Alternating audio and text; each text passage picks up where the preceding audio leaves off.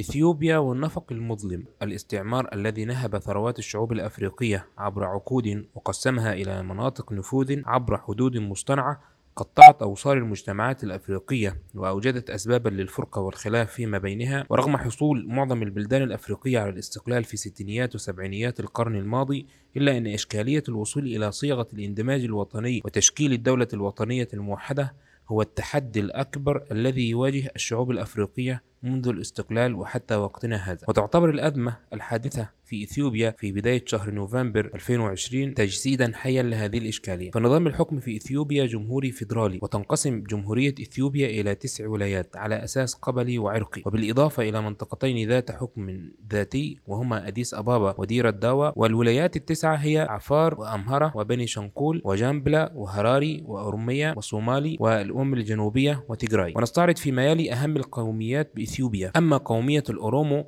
فهي الأكبر من حيث عدد السكان وتتركز في أوروميا بوسط إثيوبيا ويشكلون نحو 34% من عدد السكان البالغ نحو 103 ملايين نسمة. وهم يتحدثون اللغة الأورومية ويعملون بالزراعة والري وإليهم ينتمي رئيس الوزراء الحالي أبي أحمد. قومية الأمهرة وهي ثاني أكبر مجموعة عرقية في إثيوبيا ويتحدثون اللغة الأمهرية وهي اللغة الرسمية للجمهورية الإثيوبية. ويشكلون نحو 27% من عدد السكان وهم الحكام التاريخيون الإثيوبيا وإليهم ينتمي آخر أباطرة إثيوبيا الإمبراطور هيلا سيلاسي الذي تمت إزاحته في عام 1974 بإنقلاب عسكري. أما قومية التجراي فيشكلون نحو 6.1% من الشعب الإثيوبي وأغلبهم يعيش في شمال البلاد. وآلت إليهم الزعامة السياسية والعسكرية والاقتصادية عبر تولي رئيس الوزراء ميليس زيناو وهو من التجراي. زمام الأمور بعد الإطاحة بنظام منغستو في تسعينيات القرن الماضي. أما القومية الصومالية فيشكل الصوماليون أيضا نحو 6.1%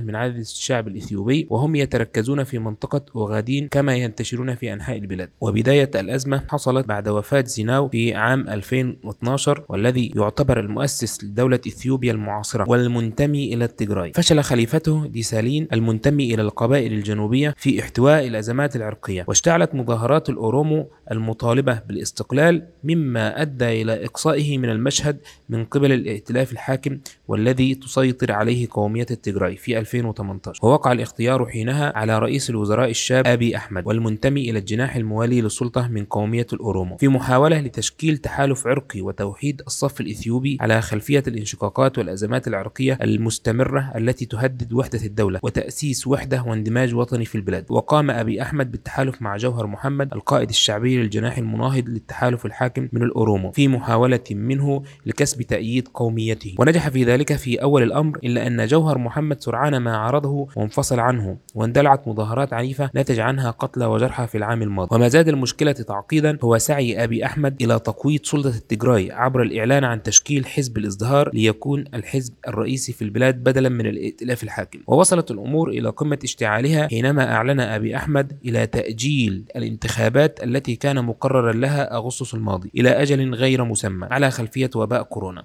وهو الأمر الذي رفضته قومية التجراي وأصرت على إجراء الانتخابات بشكل مستقل داخل الإقليم واعتبرت أن استمرار أبي أحمد في الحكم غير شرعي لعدم إجراء الانتخابات في موعدها. واندلعت منذ أيام المواجهات المسلحة بين الجيش الفيدرالي الإثيوبي وبين القوات المسلحة لإقليم التجراي ووصل الأمر إلى القصف الجوي للمدنيين في إقليم التجراي وبداية نزوح أعداد من المدنيين إلى دولة السودان المجاورة.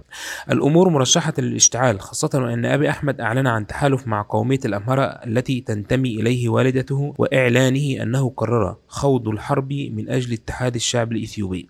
إضافة إلى أنه صاحب نوبل للسلام في 2019 يعلم جيدا أن الآمال والتحالفات التي أتت به في 2018 انهارت جميعا على واقع الانقسام وسوء الإدارة والرعونة السياسية وهو ما اتهمه به حليفه الأسبق جوهر محمد.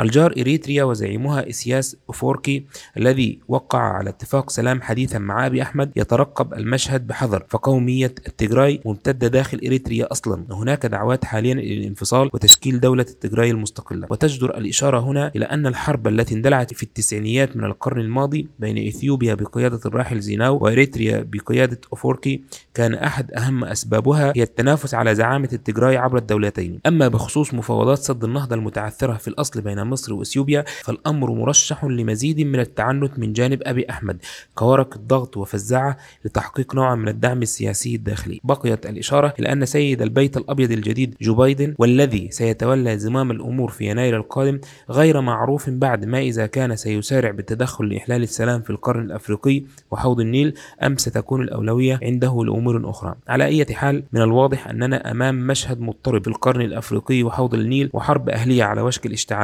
أو قد تكون قد اشتعلت بالفعل.